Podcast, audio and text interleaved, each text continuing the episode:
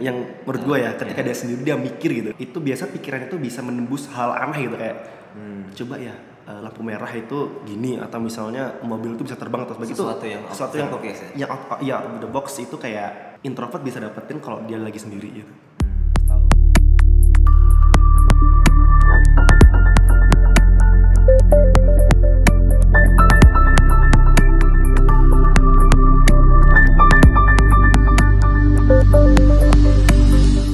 Hi, welcome to Overlap Podcast. It's a podcast created to encourage your creativity. You can get some new insight and ideas. So please dive into this podcast until it's finished.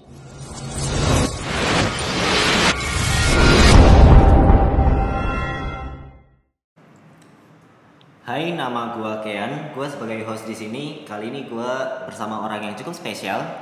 Halo, Bro. halo Bisa kenalin nggak? Nama lu siapa? halo semua perkenalkan nama gue Singgi Darmawan Eh, apalagi nih Eh, mungkin jurusan jurusan sedang menempuh pendidikan di kampus Telkom di jurusan Administrasi Bisnis angkatan 2016. Oh, udah lama ya berarti ya? Atau Udah udah senior lah, udah masa-masa skripsi. Oke, eh, sebelum kita mulai podcastnya lebih lanjut, mungkin gua mau tanya-tanya nih. Kita bakal main yang namanya disordered. Oke, Ntar boleh. gua pilih apa? Gua sediain dua kata. Nanti lu pilih salah satunya. Oke, Jawab cepat ya. boleh boleh. Mahasiswa kupu-kupu atau mahasiswa kura-kura? Mahasiswa kura-kura. Bekerja atau berbisnis? berbisnis, Nonton film atau baca buku? baca buku, Bangun pagi atau bangun siang? Bangun siang, Jomblo atau punya pacar? jomblo, Introvert atau extrovert?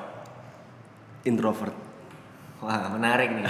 Jawaban yang terakhir itu agak berat sih karena sekarang mencoba menjadi ekstrovert tapi tetap nggak bisa dibohongin jiwanya masih extro- introvert gitu. introvert. Iya. Tapi dengar-dengar, eh gue dengar-dengar lu sebagai ketua bem ya.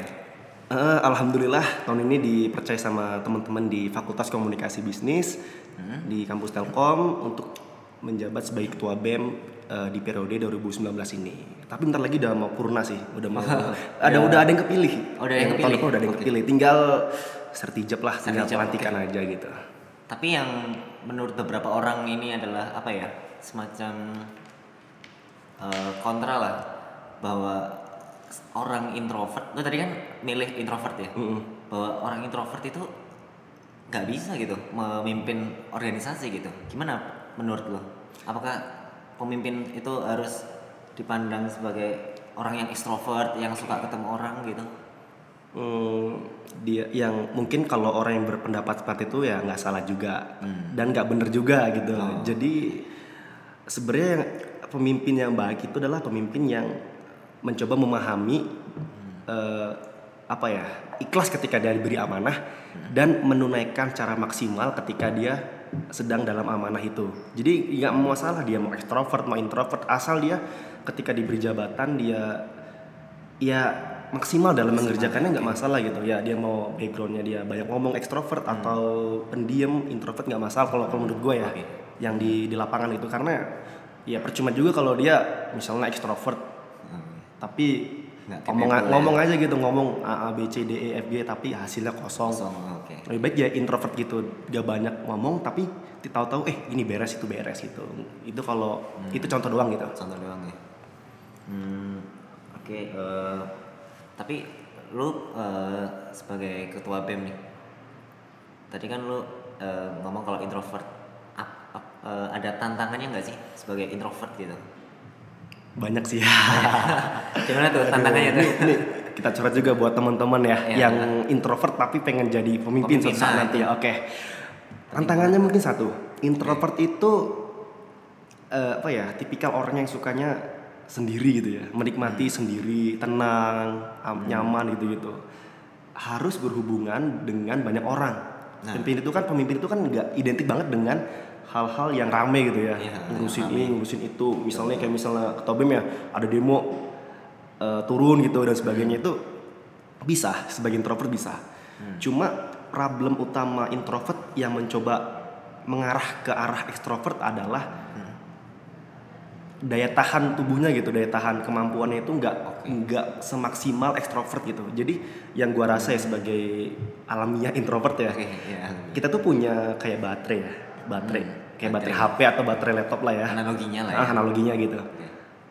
Ketika kita menjadi ekstrovert, itu baterai yang kita punya itu lebih cepat habis dibandingkan kita menjadi introvert gitu. Oh. 100% ya. Kita pagi nih bangun. 100% dong ya. Keluar, eh ada demo nih, kita turun.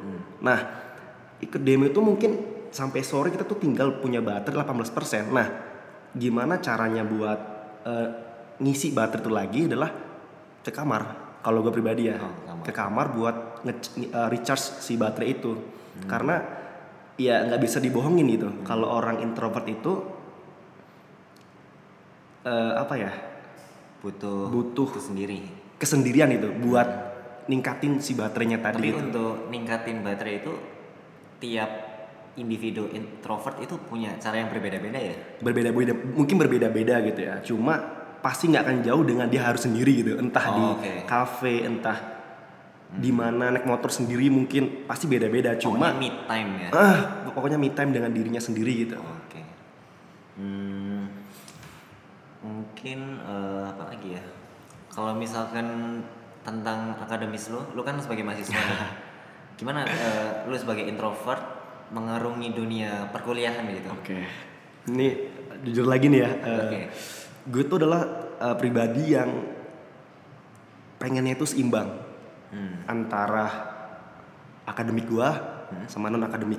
Nah, akademik itu berarti mencakup ya nilai eh, mata kuliah sampai nanti nilai IP per semester sampai nanti IPK ya.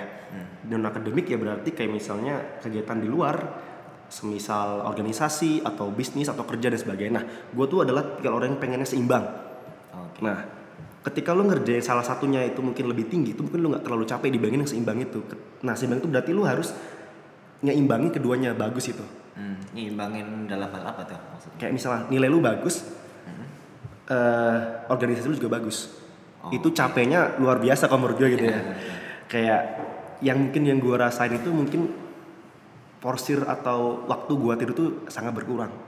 Tidur, terus waktu untuk menyenangkan diri sendiri yang gua rasa jauh berkurang juga gitu. Kayak misalnya jalan ke sana, jalan ke sini. Jujur gua sampai sekarang hampir empat tahun di kota Bandung itu masih banyak belum kenal jalanan Bandung gitu.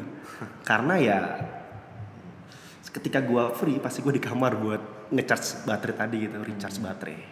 Tapi kalau misalkan eh, perlu kerja kelompok gitu, lu eh, meski udah pernah menjabat ketua BEM gitu, pernah nggak kayak menginisiasi kalau ada kerja kelompok, gua aja deh ketuanya gitu? Atau lu cenderung lebih menyerahkan yaudah lu yang ngatur ntar gua gimana lu nya aja gitu? Ini nih eh, gimana ya? Gue udah pernah dua-duanya gue pernah gue lakuin gitu. Oke. Ini tergantung dengan apa sih eh, Situasi. situasi, di Oke. eh, di tugasnya itu. Kalau gue yang dulu adalah gak tau gue tuh ketika kelompok itu pengennya kelompok gue itu maksimal gitu. Hmm. Oke. Ini alamiahnya eh, teman-teman ya mungkin ya anak SMA ataupun mahasiswa itu yang gue lihat ketika ngerjain itu udah yang asal beres gitu. Sedangkan gue tuh orang introvert tuh biasanya punya jiwa perfeksionis gitu gak sih? Iya nggak sih yang pengennya sempurna gitu. Iya, Kayak betul. ngerjain ini pokoknya harus gini-gini, pokoknya lebih dari kelompok lain lah. Hmm. Ketika dulunya tuh kalau kalau di kelompok pasti mereka sendiri tuh udah langsung udah tinggi aja langsung jadi ketua kelompoknya gitu. Nah kalau sekarang dikarenakan gue apa ya punya punya eh, amanah lah gitu di tempat lain dan fokus gue lebih banyak ke sana gue tuh lebih ngedelegasiin kepada orang gue percaya gitu. Hmm. Misalnya ketuanya tetap gue kontrol gitu. Misal ada hal-hal yang vital gue bantu misalnya eh, eh, PowerPoint ataupun eh, apa namanya nyeleksi apa namanya eh, makalahnya apakah Oke. penulisannya sudah benar belum nomor halaman dan sebagainya itu Sesuatu yang tetap tetap gitu ya. krusial tuh pasti gue tetap turun tangan buat ngecek udah bener belum itu itu karena ya jiwa alami dari diri gitu yang nggak bisa Ya. dibohongin itu ya Sebagai perfeksionis ya. Eh, gitu yang ya walaupun udah sampai sekarang sudah gua sedikit kurang-kurangi lah perfeksionis itu karena kadang capek di diri sendiri gitu. Hmm.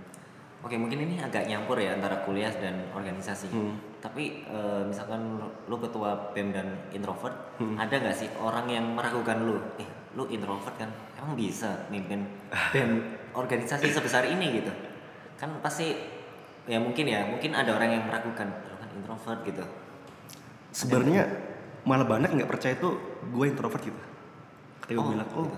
eh abang introvert loh ah nggak percaya bang Oh, karena ya gitu ya? karena ya mereka tuh mengenal Singgi yang bisa ngomong di depan Hmm. bisa cepet akrab sama orang. Mereka tuh mengenal dari sisi ekstrovertnya doang gitu. Nggak nggak mengenal dari sisi ya gue itu juga sukanya sendiri loh. Sukanya baca buku sendiri sukanya nonton film dan sebagainya gitu. Malah banyak nggak percaya gitu kalau gue introvert gitu. Jadi ya per- jadi ya mereka yakin yakin aja ketika gue ngejabat itu karena ya yang mereka kenal tuh Singgi adalah ekstrovert yang bisa ngomong di depan bisa nge apa ya ngajak orang buat gini gitu kayak mempengaruhi gitu jadi malah lebih nggak Oh, nggak percaya kalau gue introvert gitu sebenarnya Tapi eh, sorry, dengan lu yang misalkan suka berbicara di depan, Hmm. gampang bergaul dengan orang, apakah itu merasa itu diri yang lu banget gitu? Atau wah ini kayaknya bukan sih, emang tuntutan gitu? Atau kayak Eh, gimana? tergantung kondisi apa ya hati juga sih kadang ya Oke. Eh, kalau ngomong sama orang itu mungkin adalah hobi lebih kayak hobi terbaru ya. Hmm. ketika gue mencoba memaksa diri dari introvert ke extrovert ya. Satu yang gue dapat adalah gue suka ngobrol dengan orang gitu. Karena dengan ngobrol dengan orang itu gue bisa ngedapetin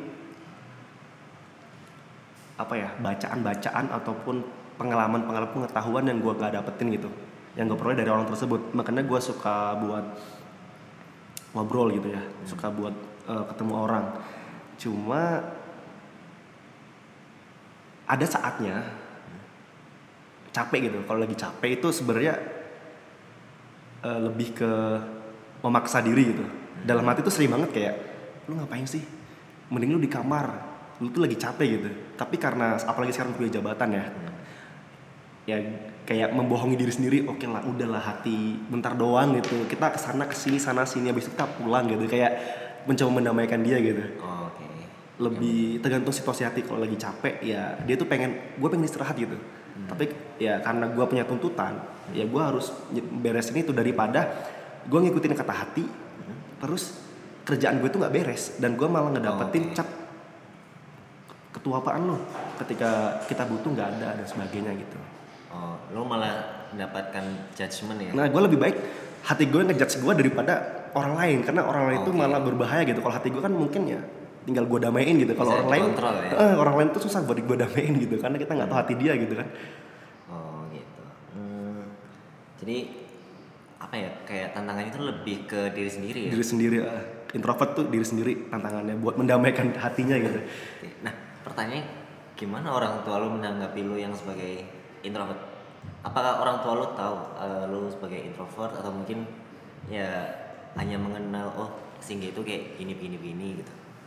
Malah orang tuaku orang tua gue itu kaget. Kalau gue tuh aktif di, di organisasi sampai posisi tertinggi tertinggi gitu lah ya. Itu kaget banget karena ya dari silsilah keluarga nggak ada. Terus dari SD SMP itu mereka nggak melihatnya cuma SMA doang lah osis. Kayak sebenarnya bingung gitu kok kok lu mau gitu jadi ketua gitu dan sebagainya sebagainya lebih ke yang yang mereka tahu tuh ya sendiri yang introvert yang sukanya di rumah Menyendiri di kamar gitu. menyendiri atau nonton pokoknya aktivitas di rumah lah gitu Yang istilahnya no life lah ya? Eh, paling ya kalau main ya main apa ya guli apa tuh dulu zaman Rubrik, eh apa? Kubik.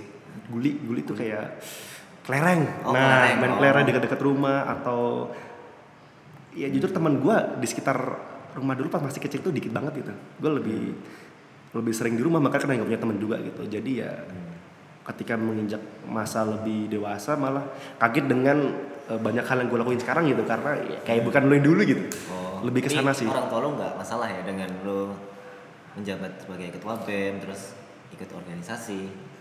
mereka selalu gini sih nggak masalah yang penting nilai lu aman gitu.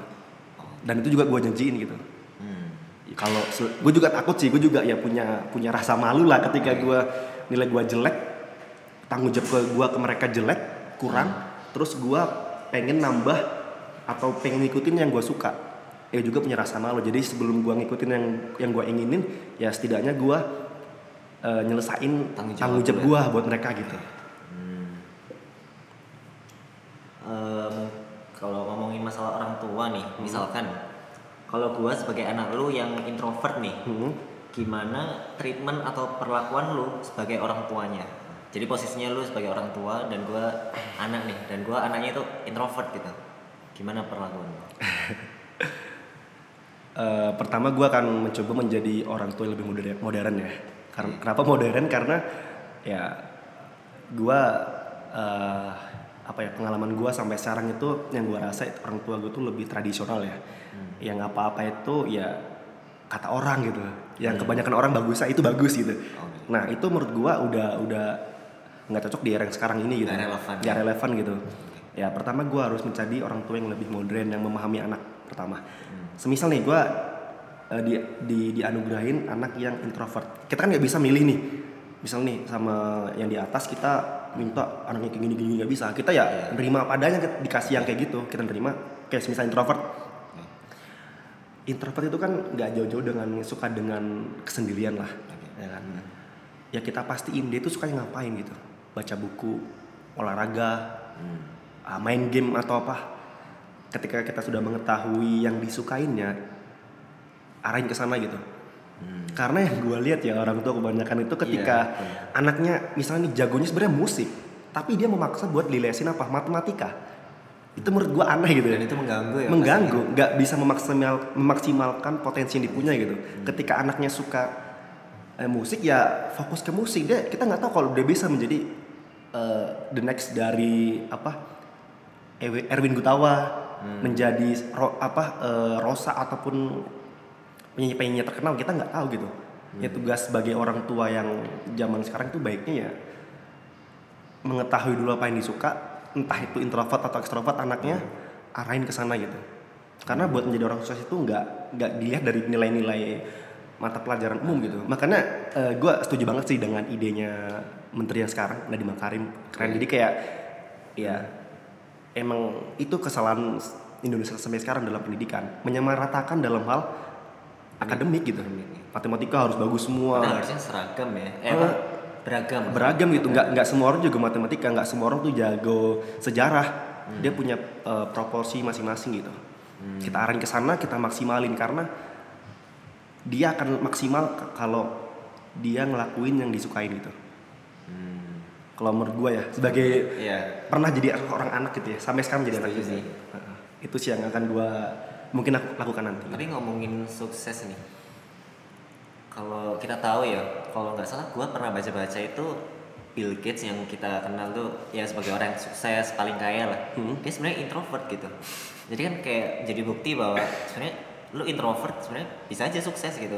Sedangkan ada beberapa apa ya stigma atau mungkin mindset bahwa lu kalau mau sukses tuh ya lu bergaul sama orang banyak gitu terus keluar jadi memaksakan orang yang sebenarnya introvert itu anjir ini bukan gua banget gitu loh Nah, mungkin yang harus digaris bawahin ya Hmm. introvert itu bukan berarti dia nggak punya teman dia nggak bisa bersosialisasi dia Hmm. hanya bisa sendiri nggak introvert itu juga bisa bertemu dengan orang lain. Cuma bedanya dengan extrovert. Mereka tuh kayak punya baterai yang gue bilang tadi baterai ya itu. yang harus di charge lagi gitu. Hmm. nah bisa introvert tuh kayak setahu gue ya Bung Hatta itu dia introvert Oh, setahu gue introvert juga. Bung Oke. Hatta. Barack Obama yang gue tahu introvert. Hmm. mereka tuh lebih suka sendiri.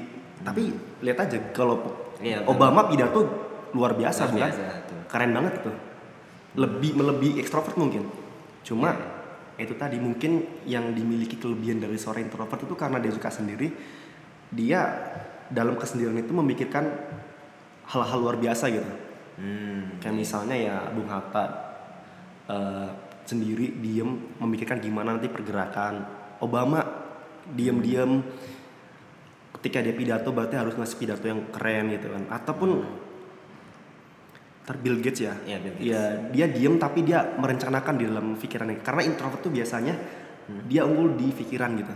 Oh iya. Biasanya ya. Iya, iya. makan biasa tuh orang introvert tuh punya buku kecil atau buku lah.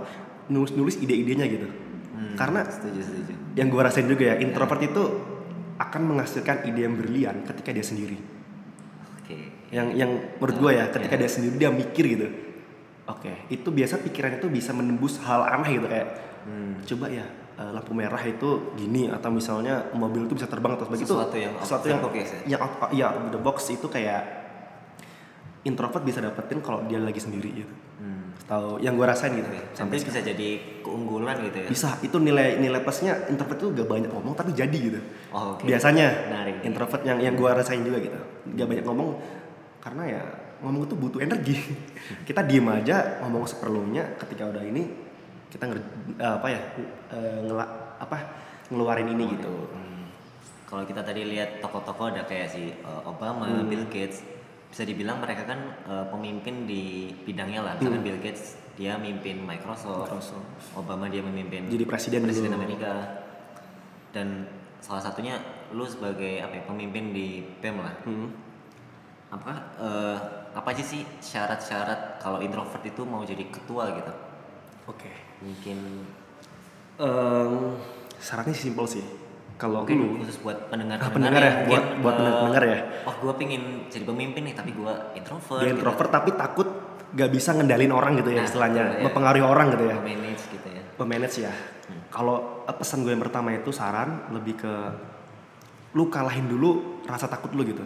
Oke. Lu harus melawan itu tadi gue bilang, lu lebih baik lu berantem dengan hati lu daripada lu memiliki masalah dengan orang lain di luar lu gitu. Itu lebih kompleks permasalahannya dan bisa lama nggak beres. Kalau dengan hati ya lu damain aja tinggalan gitu. Nah, ketika lu bisa ngelawan buat mencoba hal yang gak lu suka. Misalnya lu introvert kan ya jarang ngomong ya, lu paksa buat pidato misalnya di mana gitu. Tapi ketika lu dapet momen pidato lu harus buat pidato yang keren yang bisa diingat banyak orang gitu. Nah, lu coba pelan-pelan pelan-pelan pasti bisa karena jujur ya gue mencoba melatih ngomong di depan orang dulu ya. Itu gue masih masih SMA ya. SMA kan gue mulai dari SMP ke SMA itu gue mencoba merubah style dari introvert ke extrovert ya. Gue masih inget banget dulu itu kalau gue pidato atau ngomong di depan eh, banyak orang ya, itu pasti gue nyiapin teks, gue siapin, gue tulis, gue hafalin, dan itu salah ternyata. Oh, justru dengan salah. prepare itu salah. Salah. Karena Oke. apa? Ketika lo nyiapin banyak hal, lu bisa lupa gitu. Oh, dengan kondisi yang Lu bisa lupa. Apalagi ya, lu masih latihan gitu kan. Hmm. Dengan berdiri terus gemetaran, grogi-grogi. grogi, pasti bisa lupa. Nah, ternyata setelah gua jalanin, triknya adalah tulis poin per poin gitu. Poin per poin. Poin per poin. Misalnya pertama ngomongin ini, kedua ngomongin ini, ketiga pasti akan mengalir. Nah, sebelum ke sana itu itu tadi lu harus melawan rasa takut lu dulu. Lu apa ya harus punya ya gue pengen ketemu dengan orang banyak, gue pengen bisa setidaknya mempengaruhi orang. Lu harus ngelawan itu gitu. Rasa takut seperti apa tuh yang dimaksud? Rasa takut. Rasa takut lebih ke ini sih. Jujur nih ya, yang gue rasain tuh ketika semakin lu ingin mengenal orang, berarti lu akan semakin eh, memiliki banyak masalah gitu. Karena mengenal manusia itu adalah hal yang paling kompleks itu. Beda dengan kita misalnya kita beli barang dan sebagainya itu benda mati. Hmm. Apa ya? Gak gak sesulit untuk memahami manusia. Manusia punya hati yang belum tadi. Iya. Punya hati yang kita nggak tahu gitu. Gimana isinya gitu Hmm. mungkin dia di depan baik di, di, di belakang kita nggak tahu gitu jadi lu baik kalau gue sih lebih milih berantem dengan diri gue sendiri daripada dengan orang lain Orang itu lain. akan ribet gitu ya intinya lu harus berani menerima konsekuensi kalau lu suatu saat akan memiliki masalah dengan orang lain itu pasti akan dapat kalau lu mencoba menjadi lebih ekstrovert Hmm. Karena lu akan bersosialisasi. Ya maaf kata lu bisa salah ngomong salah ini salah ini salah tindakan dan sebagainya. Itu pasti alamnya lu, dapetin.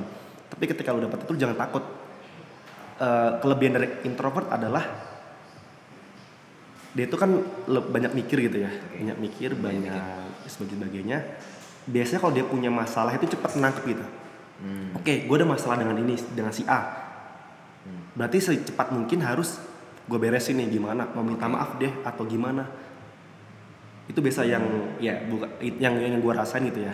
Pokoknya pertama itu adalah lu harus ngelawan rasa takut lu Oke, buat rasa takut. merubah atau keluar dari zona nyaman selama ini. Hmm. nah yang kedua tadi eh, lu mulai latihan deh jadi orang extrovert gitu. Setelah melawan rasa takut lu mulai latihan. Yang kayak yang gue Oh, oke. bilang tadi gitu latihan yang misal lu eh, pengen apa pengen ke- deket sama orang banyak bisa sama siapa aja bisa deket lu harus mencoba latihan. Tapi itu pasti emang awal-awal susah banget susah ya. susah banget. Karena gue masih inget banget nih dulu ketua bem gue yang 2017 ya bilang ke gue gih lu kaku banget. Oh, kaku banget. kelihatan ya? Kaku banget. Dia bilang sampai ketua gue tuh bilang gitu kaku banget lu dari banyak staff dia ngerti kalau gue tuh kaku gitu. Nah karena gue orangnya adalah pembelajar ya gue belajar oke berarti gue jangan terlalu kaku. Eh, gue yang dulu ya misalnya ini Hmm. Ketika ada musik gue malas joget gitu. Nggak tahu bukannya jaga image emang nggak nggak nggak bisa gitu. Nggak bisa. nah ketika gue dibilang gitu gue mem- mem- mencoba mem- apa ya eh, mem- apa ya eh, belajar ke situ gitu. Ketika ada musik gue walaupun gue nggak bisa ya gue mencoba aja gitu kan. Hal-hal kecil lah paksa diri lu gitu. Buat lu itu berantem sama hati lu gitu. Oh, kalau gue gitu. seperti itu ya? Eh, karena ya apa ya emang capek sih emang capek yang gue bilang ketika orang introvert mencoba menjadi ekstrovert itu yang capek di hatinya. Mentalnya capek. Mentalnya tapi ketika lu nggak mencoba lu nggak akan tahu gitu rasanya gimana. Itu tantangan orang introvert ya buat menjadi ya pimpin di mana pimpinan di mana pun. Pertama tadi eh, apa tadi? Eh, merawan rasa takut. melawan rasa takut. Yang kedua mencoba belajar pelan-pelan. Dan yang ketiga. ketika lu udah dapet lu maksimalin kesempatan itu gitu. Hmm. karena eh, apa ya ya lu ketika sudah di atas pasti lu akan banyak yang nggak nggak cocok sama keputusan lu kebijakan lu nggak sepakat pasti ada nah gimana cara lu nanggepin kan maksudnya eh, introvert kan Hmm. eh, apa ya agak itu nggak sih tertekan kalau misalkan didesak, wah gua nggak setuju nih sama keputusan lu keputusan lu bla bla bla bla bla gitu Kalau gue tuh eh, biasanya gue tuh diem dulu, gue diem, gue mikir. Kalau misal nih itu mereka menyerang gue di di by phone ya, by phone ya, di teleponin sebagai HP gue matiin. dimatiin Gue ingin suasana yang tenang dulu. Oke. Gue mikir, oke, kalau misalnya gue salah, gue minta maaf. Kalaupun gue nggak salah, gue juga bisa minta maaf. oh, oke Karena ya gue tipe orang yang malas ada buat masalah gitu. Karena ya banyak hal yang lebih penting buat dikerjain gitu daripada ngelawan atau ngebuat perdebatan gitu ya. Jadi kalau saran gue ya lu harus tenang dulu, tenang pikiran. Mau mau lu matiin HP lu atau sebagai lu tenang. Tapi jangan lama-lama gitu. oke Pun tas setengah hari atau satu hari udah lu tenang, udah lu fix dengan apa yang ingin lu lakuin, baru entah telepon dia atau ketemuin dan sebagainya. Gue sering juga sih kayak nemuin haters gitu misalnya contohnya. Oke, Nemuin haters, gue ajak ngobrol bener. Dia bilang gue nggak suka gini gini gini gini. Ya gue langsung aja eh, misal nggak cocok ya. Oke, gue minta maaf kalau misalnya apa yang gue buat nggak sesuai dengan yang ingin lu inginkan. Hmm. Eh, pokoknya kalau kalau itu emang ngerasa lu salah, lu minta maaf. Tapi ketika lu tuh konteksnya lu dijelekin, oke diem aja. Kalau gua, gua diem tapi buktiin. hmm. Gue juga ngalamin tahun ini ketika jadi ketua Oh, iya. ketua BEM ya. Ada yang ngejudge, ah departemen lu ini pasti nggak bakal berkembang deh gini-gini. Gue diemin dia, oke tapi gue nuntut eh, apa Diri kayak eh, diri gue dan apa kepala departemen gue. Gue nggak asal nuntut gue, lu harus gini-gini nih. Gue ngasih dia masukan, oke coba buat ini ini ini ini. Pasti lebih capek gitu. Oh. Dia capek, gue harus lebih capek gitu. Ada ada beberapa departemen yang ataupun beberapa acara yang di komen. eh, Biasalah net- netizen itu kan Hmm. Iya. suka Berkomentar ya. memanas-manas sih ya. Tapi gue bersyukur sih. Eh, yang namanya pengawas itu atau haters itu ngebuat diri itu bisa lebih berkembang jauh gitu. Hmm. Makanya ya oposisi itu paling penting gitu. Hmm. Penting banget oposisi itu. Ngebuat lu kayak ada mengawasi di kinerja lu kayak nggak bisa asal-asalan. Lu harus lebih dan lebih buat Hmm. Ada apa? cerminnya Eh, ya. Buat ngediemin mereka nantinya gitu. Oke. Karena ha- eh, kinerja itu nggak bisa dinilai di awal, tapi di akhir kalau menurut gua gitu. Jadi Hmm. lu boleh ngata-ngatain gua sekarang, tapi lu akan gua tunjukin nanti gitu oke itu sih yang gue buat eh, sekarang gitu kalau ada masalah kalau ada yang ngejelekin diemin aja kasih bunga nanti Oke, keren, keren, keren. Kalau misalkan tadi eh, introvert ada masalah nih, Mm-mm. berarti kalau ada masalah perorangan atau personal, berarti lu menghubungi dia secara langsung dan minta maaf gitu ya? iya biasa kayak gitu sih karena apa ya gue nih gue ada ini nih gue selalu mengingat apa ya yang disampaikan oleh guru gue SMA dulu. Kalau lu menghindari perdebatan lu dapat satu kop kapling ujung di surga gitu. Itu gue inget itu gue nggak tahu eh, hadis di mana. Pokoknya gue inget banget yang dibilang sama guru gue jadi kayak apa ya ya gue jujur gue dulu tuh preman bisa dibilang kayak kebijakan ini nggak tepat gue protes protes protes. Sekarang gue lebih memahami gitu. Eh, gue lebih mencoba memahami, memahamin orang ketika dia nggak suka sama gue ya berarti ada dalam diri gue yang harus gue tingkatin yang harus eh, gue ubah. Pokoknya ya gue mencoba nggak buat ribut lah karena ya emang capek gitu. Ngelawan orang itu menurut gue lebih capek daripada ngelawan diri sendiri gitu. Hati makanya lu lebih, gue lebih suka jujur aja berantem sama hati daripada sama orang lain. Butuh energi lebih besar Entah ya. lebih besar lagi gitu. Karena orang lain itu inilah jeleknya manusia ya dia itu bisa ngomporin orang lain berkembang tuh jadinya satu orang dua orang tiga orang. Eh tau tonton nggak suka sama gue 100 kalau hati kan cuma sendiri satu doang nggak bisa nambah. Iya sih. gitu sih kalau gue Hmm, mungkin kalau kita kembali lagi nih. Eh, kalau menurut lu nih menurut lu beneran nggak sih eh, istilah introvert atau dan extrovert gitu? Atau itu hanya sebagai istilah yang dibuat-buat aja gitu? Jujur gue sebenernya nggak tahu sih introvert extrovert ataupun ambivert ya ada juga ya, di ambivert tengah-tengah ya. tengah-tengah ya. Itu beneran ada atau enggak gitu? Karena apa ya sampai sekarang itu kayak kayak kayak apa ya kayak kayak buatan orang yang yang dipaksa dipercayain gitu. Kayak misal nih contoh eh, lu zodiak ini nih lu zodiak ini. Terus ketika lu zodiak ini lu akan gini gini gini. Itu belum tentu juga gitu jadi eh, gue nggak nggak mempermasalahin lu mau introvert extrovert ambivert tapi lebih apa ya mau dari apa pun lu ya ketika lu ada di dunia ini ya kerjain aja yang bener-bener gitu. Kayak Hmm, yang lu bisa gitu ya. Heeh, kayak ya ini Tuhan nih Tuhan kenapa sih ciptain manusia? Pertama jadi alamin kan ya jadi pemimpin kan ya? Ya udah jadi jadi pemimpin terus lu mau jadi pemimpin yang gimana nih? Mau yang ngerusak semuanya atau ngedamein gitu? Hmm. apalagi kondisi Indonesia sekarang yang gue lihat uh kacau balu gue heran sih. Ini ini gue selama 22 tahun hidup ini di, di dunia ya gue tuh bingung tahun-tahun sekarang itu aduh ini kenapa Indonesia nyentil dikit berantem ngomongin Eh, ya. zaman gue SD ngata-ngatain sama orang tuh biasa aja gitu paling ntar eh, iya dikatain orang tua ntar kalau bilang ke rumah ya ayo dibilangin. Ah ya ketawa paling. Kalau zaman sekarang itu aneh gitu kayak gampang tersulut gitu. Jadi kayak gampang komper ya. Kompak gampang banget. Jadi kayak ya introvert extrovert ataupun ambivert tuh ada atau enggak menurut gua nggak usah terlalu dipusingin gitu ya. Fokus aja lu eh, maksimalin yang lu bisa selama lu dikasih dikasih kehidupan gitu. Karena ya sama-sama baik itu. Extrovert introvert ataupun ambivert. Tapi kalau kalau ini nih misal nih misal lu meyakini nih lu tuh terlahir introvert dan lu menyesali lu jadi orang introvert nggak boleh. Hmm. karena masing-masing individu itu memiliki kelebihan masing-masing gitu. Jadi- dan lu harus percaya kalau lu tuh istimewa gitu.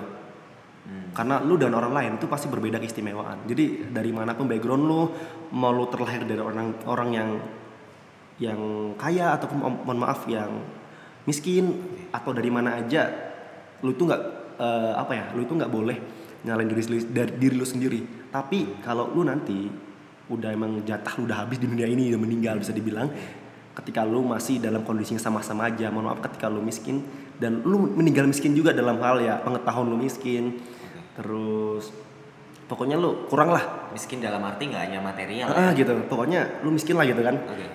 Itu salah lu gitu.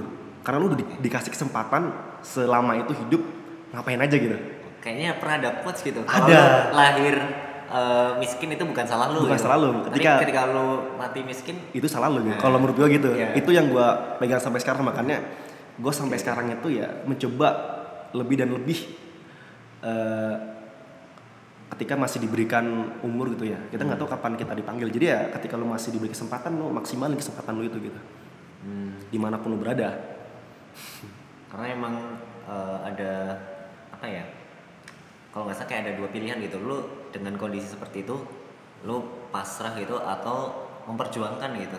Memperjuangkan sesuatu. Misalkan lu miskin gitu wah gue berarti harus berjuang sesuatu nih. Eh, memperjuangkan dari yang posisinya miskin entah itu miskin dari pengetahuan material berjuang hingga akhirnya jadi Hmm, lebih kaya gitu. Eh sebenarnya ini uh, Oke. dalam milih dua jawaban itu pun ada dua kemungkinan gitu. Kalau pasrah, oke pasrah itu biasanya lebih aman kondisinya gitu ya daripada lu memaksa buat apa tadi yang kedua Eh, lebih ke memperjuangkan memperjuangkan ya memperjuangkan itu pasti pasti ketika lo memilih memperjuangkan lu pasti akan mendapatkan hambatan yang lebih banyak daripada lu pasrah Hmm.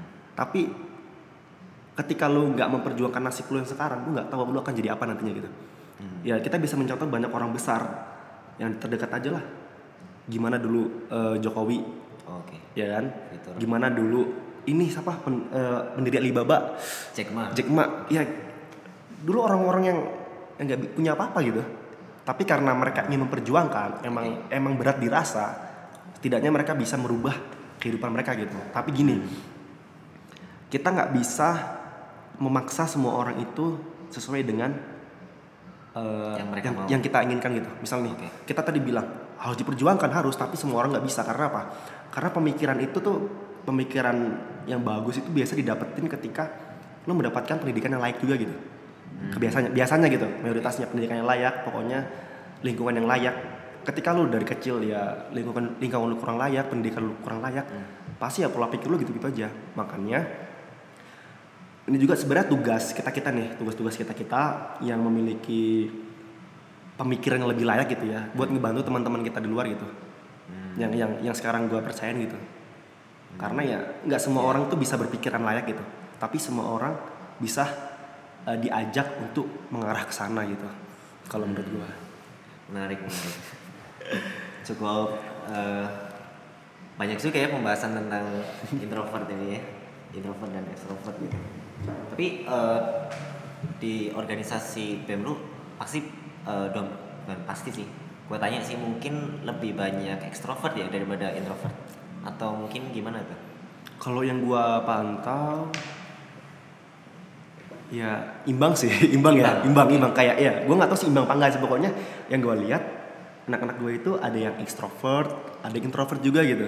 Dan ada juga yang ambivert gitu yang gue lihat oke ambivert jadi kayak ya ada yang pendiam ada yang sukanya aksi aja aksi aksi dan aksi nggak pernah capek gitu Oke. ada yang suka eh, apa ya suka mau turun dan dia kadang diem gitu oh nah jadi tengah-tengah ya? eh, tugas gue sebagai pimpinan itu ya memberikan apa ya setidaknya arahan yang sesuai dengan kemampuan dia gitu Hmm. kalau misalnya nih orangnya introvert gue paksa extrovert ya kalau dia nggak nggak mau ya. nggak bisa ya udah gitu jadi kayak itu tadi kunci adalah memahamin kalau lu pengen jadi Memahami. pimpinan lu harus memahamin orang lain gitu kunci dan harus sesuai orangnya juga ya nggak lu nggak bisa memaksa kalau dia bisanya cuma C lu pengen A ya ya yang lu turun itu bukan bukan kemamp yang lu naik itu bukan kemampuan dia tapi yang lu turunin adalah ekspektasi lu gitu oh daripada lu kecewa di ujung kan ya coba benar sih. memahamin aja setidaknya tugas dia itu cukup pas gitu.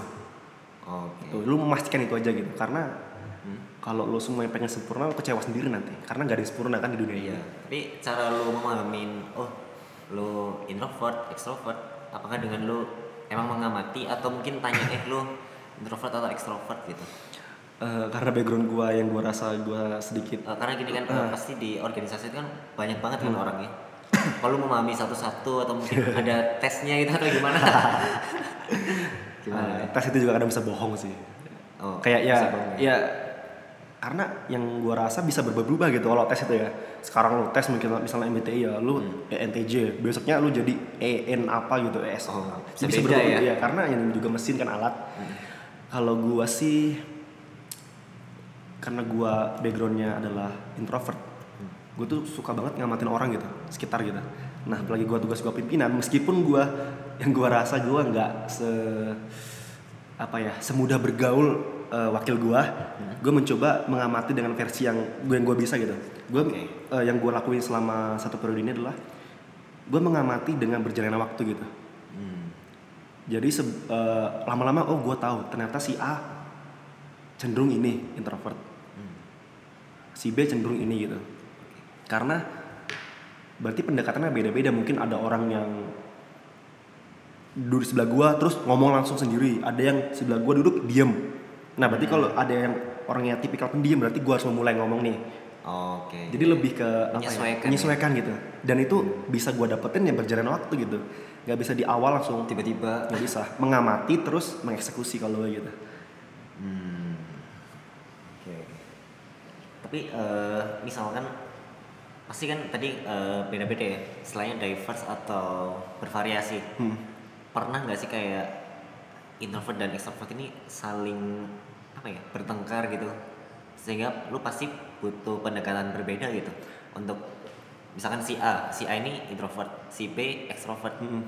apakah eh, pertengkaran mereka itu pengaruh banget sih pengaruh banget nggak sih dengan berbedanya mereka itu Oke, ini gua sedikit bocorin ya. oke nah, ini. Sebenarnya eh kalau dalam organisasi itu pasti ada internal dan eksternal ya. Internal itu berarti ya organisasi lu gitu. Di dalamnya. Kalau eksternal itu di luar itu. Sebenarnya paling vital untuk diperbaikin dulu kalau menurut gua adalah internal lu gitu. oke Penting banget. Makanya gua sebisa mungkin meminimalisir yang namanya masalah di dalam tubuh gitu. Hmm. Kalau di luar ya, ya biar kata orang gitu. Yang penting internal gue tuh adem ayem, gak banyak masalah. Ketika ada masalah pun harus cepat diberesin gitu. Karena tuh apa ya internal lu yang kurang kuat itu bisa mengakibatkan eksternal lu makin hancur lebur gitu. bisa jadi toxic ya Bisa jadi penyakit gitu dalam dalam eh, apa organisasi lu. Kalau semisal ada berantem entah dia introvert ekstrovert ataupun ekstrovert ekstrovert dan sebagainya ya lu harus men- mencari tahu dulu eh, apa sih akar permasalahannya gitu. Pasti ada sih. Penyebabnya pasti ada. Entah karena hubungan asmara ya kan? Iya. atau karena Bisa, bisa. yang satu ngerjain tugas yang satu enggak. Nah Biasa. sering tuh kadang sering banget. asmara tuh. As- nah iya. Ini ini jujur sih. Ini ini gua gua di inti gue ya sering nggak tuh? Di inti gue ya gua di awal di awal ngejabat tahun ini gua gua bilang ke inti gue ini ini abang merekomendasikan kalau bisa di inti kita nggak ada yang saling suka. Hmm, itu yang ngomong siapa? Lo gue sendiri gitu Oke. pas di awal-awal. Kenapa gue bilang gitu? Eh, kita tuh nggak bisa nyalahin yang namanya rasa cinta rasa suka. Itu alamiah. Oke. itu ya pemberian Tuhan yang yang natural ya? natural ya. Itu yang nggak dimilikin makhluk lainnya selain kita gitu. Hmm. ya kan? Ya makanya dari awal gue bilang kalau bisa jangan gitu. Kenapa? Karena se se apa ya? Se seindah-indahnya asmara gitu ya hubungan cinta suka gini-gini ya ujung-ujungnya pasti nggak enak gitu. Hmm. Iya. Kenapa bisa lo bilang nggak enak? Ya karena gue pernah ngalamin juga. Ya gue tapi kan ada eh, misalkan apa ya dalam satu organisasi nih mereka ya saling suka gitu tapi mereka tetap bisa jaga profesionalisme gitu. Nah bisa. Ada ada kayak gitu Ada ada, kayak gitu. cuma itu hanya satu dibanding sepuluh menurut gua gitu.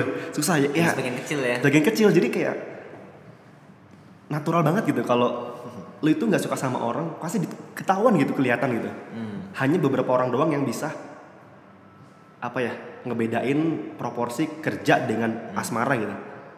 Oh. itu biasanya kelihatan munculnya ketika udah putus atau break lah istilahnya. Itu biasa kelihatan banget. Apalagi satu inti ya yang sering kumpul dan Iya. sebagainya itu pasti kick banget gitu. Hmm. ya meskipun di tahun ini yang gue lihat ada di inti gue tapi sebisa mungkin tetap. Kalau misalnya mereka break at break atau misalnya putus atau beres itu gue minta. Jangan dibawa-bawa ya. jangan dibawa-bawa. Kalaupun dibawa-bawa gue minta apa ya? Seenggaknya profesional profesional lah lah jangan ya, itu kesalahan lo gitu. Kalau lu berani memilih buat suka sama dia berarti lu harus harus bisa menanggung konsekuensinya gitu kan ya. Ya. intinya tuh masalah personal itu personal jangan nggak bawa Bawa-bawa, oke. ya itu apa ya masalah yang ribet sih. Dan harus menarik di- nih eh, ngomongin masalah cinta-cinta ya Hmm. romansa. Perbedaan introvert dan extrovert dalam apa ya kayak me- mengekspresikan cinta gitu. Kan kadang ada tuh oh introvert mungkin ya mungkin cenderung kayak malu-malu gitu. Kalau dalam sekarang kan mungkin udah canggih mungkin bisa lewat chat atau eh, berbagai kode-kode lainnya gitu. Sehingga apa ya ada perbedaan gitu ada perbedaan nggak sih? Hmm, kalau gua rasa ya. Nah, gimana menurut lo eh, gue sebagai orang yang natural introvert itu yang gue lihat tuh kalau introvert itu lebih suka dengan tulisan kayak gimana ya? Kayak Hmm, kayak misalnya surat oke. atau chat. Kalau ekstrovert tuh lebih suka ngomong langsung gitu. Kalau istilah gue gitu menurut gue ya. Oke. karena gue mencoba kedua-duanya gitu. Mencoba variasi A variasi B tadi. Variasi variasi apa tuh? dalam uh, Mengekspresi. mengekspresikan. Dan gue lebih nyaman ketika pakai surat gitu. Ini ko- konyol sih di zaman yang se semodern ini ya. Semodern ini. ini ya. Gue tuh lebih suka uh, mengekspresikan diri gue itu lewat surat gitu. Hmm. karena gue masih inget banget sih uh, sampai sekarang dua orang gitu. Dua orang ya adalah cewek gitu yang gue bilang uh, yang yang gue kasih surat ini gitu Hmm. dan biasanya orang yang gue kasih surat itu biasanya yang membekas banget di hati gue gitu Oh, gitu. yang Eh, membekas yang kayak iya iya iya dan waktu itu gue- Dianya atau gua, elunya? dianya gitu Oh, dianya. di di gue gitu kan misalnya gue ditolak udah beres ngomong langsung gue tuh biasanya ngasih penutup itu gue kasih surat gitu Hmm. karena gue selalu percaya eh, yang kita ketahui bersama kan cewek itu eh, berpikir memakai perasaan kan ya Oke. nggak eh, bukan pakai logika kalau kalau cowok pakai logika ya ya. dominannya gitu kan mengekspresikan dirinya. Cewek itu bisa lebih tersentuh kalau membaca kata-kata Oh, kalimat. gitu ya? itu yang, yang gue rasa gitu. Oh, yang, yang lu yang rasain. gua rasain ya yang gua lihat di di lapangan ya beda sama kata-kata gitu kayak ya bisa aja kena kata-kata cuma karena gua bukan natural extrovert kayak gua nggak jago gitu kalau ngomong di depan itu pasti gua grogi gitu. Kalau di depan dia nih Iya, pasti lupa masalah gitu? pasti bingung gitu. ya. Heeh. dan gua lebih nyaman lewat surat tadi gitu malah gua pernah juga ngasih ngasih surat ke ibu dari cewek gitu pernah cewek ibunya gitu Hmm. ya karena pernah deket juga sama Itu pernah berhasil gitu. berhasil di mana Ya punya pacar gitu. ini ini sensitif banget sih ini sensitif banget banget ini aduh Tapi misalkan eh, kalau bilang introvert gitu, kayak apa ya? Bisa jadi ya kalau eh, mungkin yang gua rasain awal-awal itu kayak malu-malu nggak sih kalau ketemu langsung gitu? Atau itu sebenarnya nggak berhubungan dengan introvert extrovert, masalah malu-malu gitu? tapi yang setahu gue ya introvert tuh lebih lebih malu dalam eks- mengekspresikan diri kalau gue suka sama lu gitu. Karena gue eh, masa-masa gue Oke. SMP SMA itu gue takut gitu. Takut pertama kayak misalnya gue takut kalau kalau doi itu nggak suka gue pertama mungkin tak gue takut kalau dia itu levelnya terlalu tinggi. Pokoknya ada rasa takut takut lah gue mulai berani mengekspresikan diri itu ketika gue eh, apa ya mulai meningkatkan kompetensi diri gitu. Oke. di, di kuliahan misalnya kayak gue ada organisasi. Itu pengaruh ya? pengaruh ya kayak kepercayaan diri sih kalau menurut gue gitu. Diri. karena ya ya alamiah banget gitu. Kalau ce- cowok nggak punya apa-apa deketin cewek yang punya sesuatu susah banget. Susah kita kita udah nggak pede duluan gitu di awal gitu. Jadi ya trik- eh, tips dari gue ya ya pakai cara pelan-pelan gitu dari bawah berproses gitu.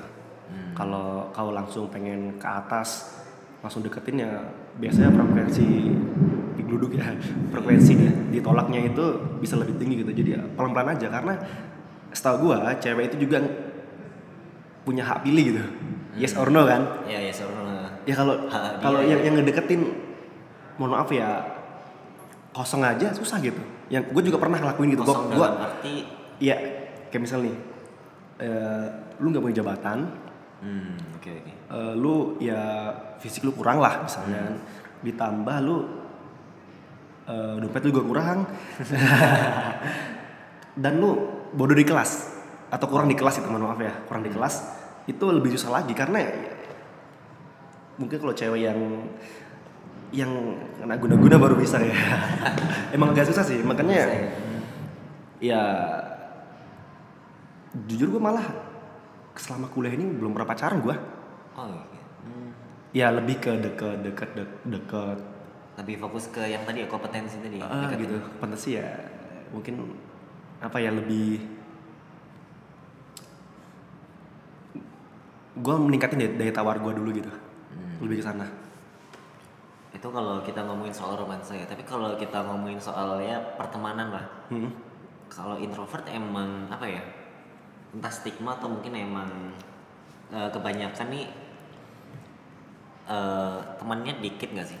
Iya. Atau mungkin kadang ada beberapa kualitas tulisan-tulisan itu mereka temennya dikit tapi berkualitas gitu. Maksudnya emang benar-benar fit in gitu. Kalau menurut lo gimana? kalau gue rasa ya Oke, menurut Ehm, introvert tuh bisa punya banyak teman bisa tapi temen yang bener sahabat mungkin ya. Oke, orang sahabat, terdekat itu hanya dua tiga orang atau satu dua mungkin. Bisa dihitung jari ya. Karena ya kalau teman-teman yang say hello itu bisa. Tapi kalau teman-teman yang buat diajak eh, curhat atau teman yang lebih susah senang bareng susah senang bareng itu dikit banget kalau introvert. Bisa dihitung jari. karena dia satu dua ya. apa ya bisa memilih orang yang bisa dipercayain gitu.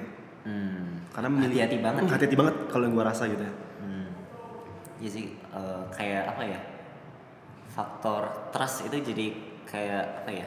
Yang utama gitu. Ntar lu bisa jaga misalkan curhat gitu. Lu bisa jaga kerahasiaan ini atau enggak gitu. tapi nggak menutup kemungkinan extrovert juga bisa sih cuma ya biasanya extrovert tuh suka suka ngumpul dan nongkrong dan sebagainya Karena emang itu mereka dapat Ah, energinya dari situ. itu gitu. kalau kalau gue emang lebih ya temen gue yang dekat-dekat banget paling cuma satu dua orang gitu gue bisa ngitung ya kalau kalau teman sama gue sekolah cuma satu yang gue dekat banget sama sekarang. Namanya Saddam Hussein. Dia kuliah di Medan. Kalau yang kuliah juga cuma paling gue teman gue kuliah yang yang yang gue rasa deket banget ya. Sampai eh, dia tahun ini masuk BEM juga. Sampai teman-teman yang lain itu bilang sekretaris lu gitu Sekretaris. ada satu gitu juga kayak karena saking dekatnya gitu ke mana-mana ngerjain skripsi bareng terus curhat dan sebagainya karena ya susah buat mempercayai banyak orang gitu kalau introvert yang gue rasa gitu Hmm. Kalau misalkan dalam menangani masalah gitu, menangani masalah, gur, eh, gua kan kuliah di sistem informasi. Nah, Hmm. itu ada matkul namanya apa ya? Perilaku organisasi. oh Nah, gue juga ada tuh sama ada, oh, sama. Semester itu awal tuh. sempat nyinggung eh, dia juga pernah bahas si dosennya itu introvert dan extrovert. Nah, itu dia sempat nyinggung soal dalam hal eh, menangani masalah gitu. Kalau ada masalah gitu, ekstrovert lebih cenderung curhat ke entah lebih kayak apa ya, lebih banyak orang gitu. Sedangkan kalau introvert kayak lebih solve problemnya itu sendiri gitu. Ya mungkin bisa cerita, tapi mungkin hanya satu dua orang. Nah kalau berdasar- berdasarkan pengalaman lu nih sebagai introvert, lu emang lebih suka udah ini masalah ya emang gua sendiri itu mungkin ada beberapa cerita satu dua aja. Atau mungkin lu malah ya gua butuh cerita orang sebanyak mungkin lah karena emang gua eh, atau kayak gimana tuh? Kalau kalau gue sih lebih mencoba banyak hal gue coba semua gitu. Oh coba semuanya kayak gini. Gue pernah ada masalah gue curhat kayak ini ini ini ini ternyata tuh lebih berbahaya gitu. Hmm, Ah, berbahaya dan masalah yang kita punya tuh bisa kesebar. Oh gitu. Itu ya yang tau gue kayak ya itu tadi yang gue ngebuat gue nggak malah nggak percaya lagi sama dia gitu. Hmm. itu gue gue pernah coba itu karena gini ketika lo ada masalah lu curhat tuh sebenarnya kayak apa ya eh, ngebuat beban lu tuh sedikit berkurang gitu. Hmm. masalah tuh sedikit berkurang gitu dengan lu curhat ke dia gitu. Tapi semakin ke sini gue tuh lebih nyaman gue curhat hanya satu dua orang yang gue percaya banget gitu. Kayak masalah apalagi kalau misalnya masalah asmara ya itu menurut gue nggak nggak nggak layak buat Iya. semua orang buat tahu gitu. Nah, harus hati-hati banget ya. Hati-hati banget tuh karena vital banget bisa kesebar masalah ya bahaya ya. akhirnya malah malah malah Berantakan. berantakan makanya ya gue gue gue pernah mencoba yang gue coba ke share banyak orang. Bukan yang nge-share nge-share ya paling lebih dari 10 lah gitu kan. Oke. Itu malah bahaya emang idealnya cuma satu dua tiga orang gitu lah yang menurut gua dia capable juga buat ngasih eh, komentar balik lah saran yang bagus juga gitu hmm. emang introvert emang kayaknya lebih tapi gue nggak nggak introvert banget sih yang yang mendem sendiri karena nggak enak gitu mendem sendiri gitu harus ada satu dua yang Satu dua dengerin ya. gitu setidaknya gitu Hmm, kalau masalah itu kan masalah dalam halnya cinta lah ya, Hmm. atau mungkin semacamnya. Tapi kalau sebagai lo yang ketua BEM gitu, Hmm. Mungkin eh, lo kan posisi ya bisa bilang posisi atas lah ya, Hmm. lebih kayak ada faktor decision making nggak sih? Kak? ada Nah pasti itu dalam decision making lu pernah kayak ada beberapa masalah gitu beberapa masalah yang dalam masalah tersebut lu harus memutuskan A atau B nah kadang mungkin lu sempat kayak galau gitu nah apakah dalam lu menangani masalah itu lu cerita-cerita atau mungkin ntar ini gua pendem sendiri dulu gua pikirin baik-baik atau mungkin kayak gimana itu berarti konteksnya di organisasi ya ya konteks Oke. organisasi Eh, kalau di organisasi gue akan ngobrolin itu di orang organisasi itu juga gitu.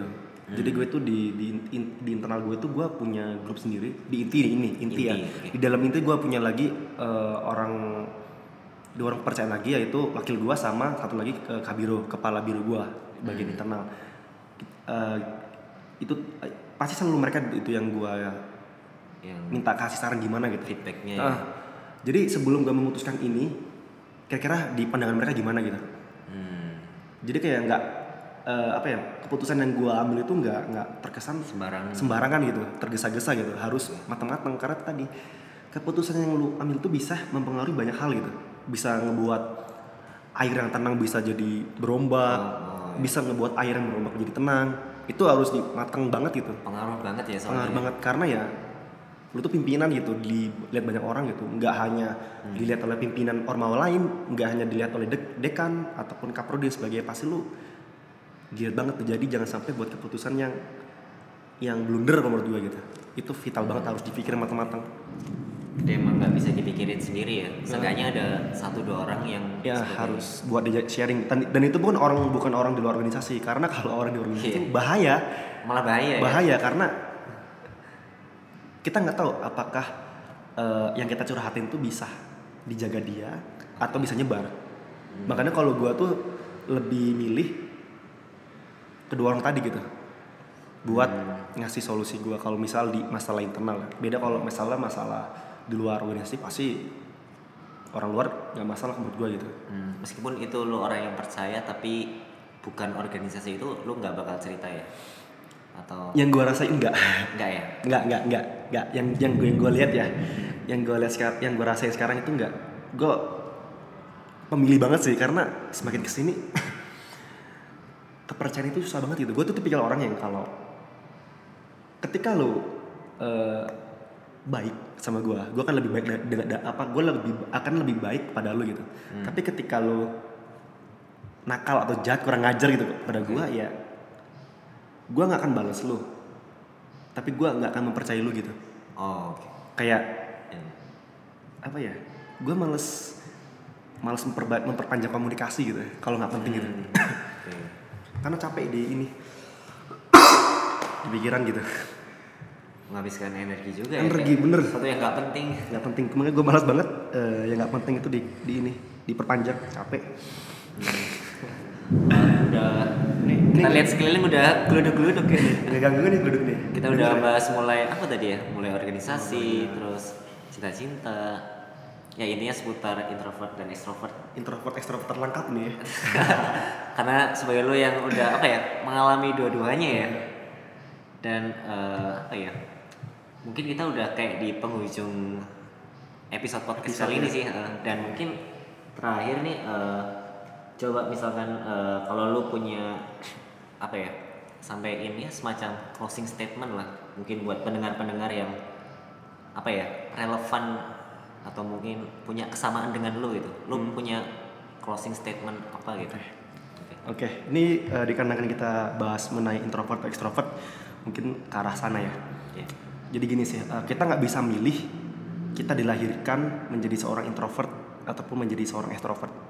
Kita nggak bisa milih. Tapi kita bisa milih kita menjadi orang seperti apa nantinya gitu. Dengan cara apa? Dengan cara menguji diri melebihi batas yang lo bisa gitu. Kalau dari gue gitu.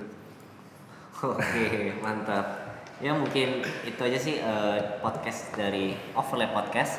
Makasih ya bro udah eh, datang ke podcast ini. Pas banget nih hujan nih. Endingnya Oke, hujan.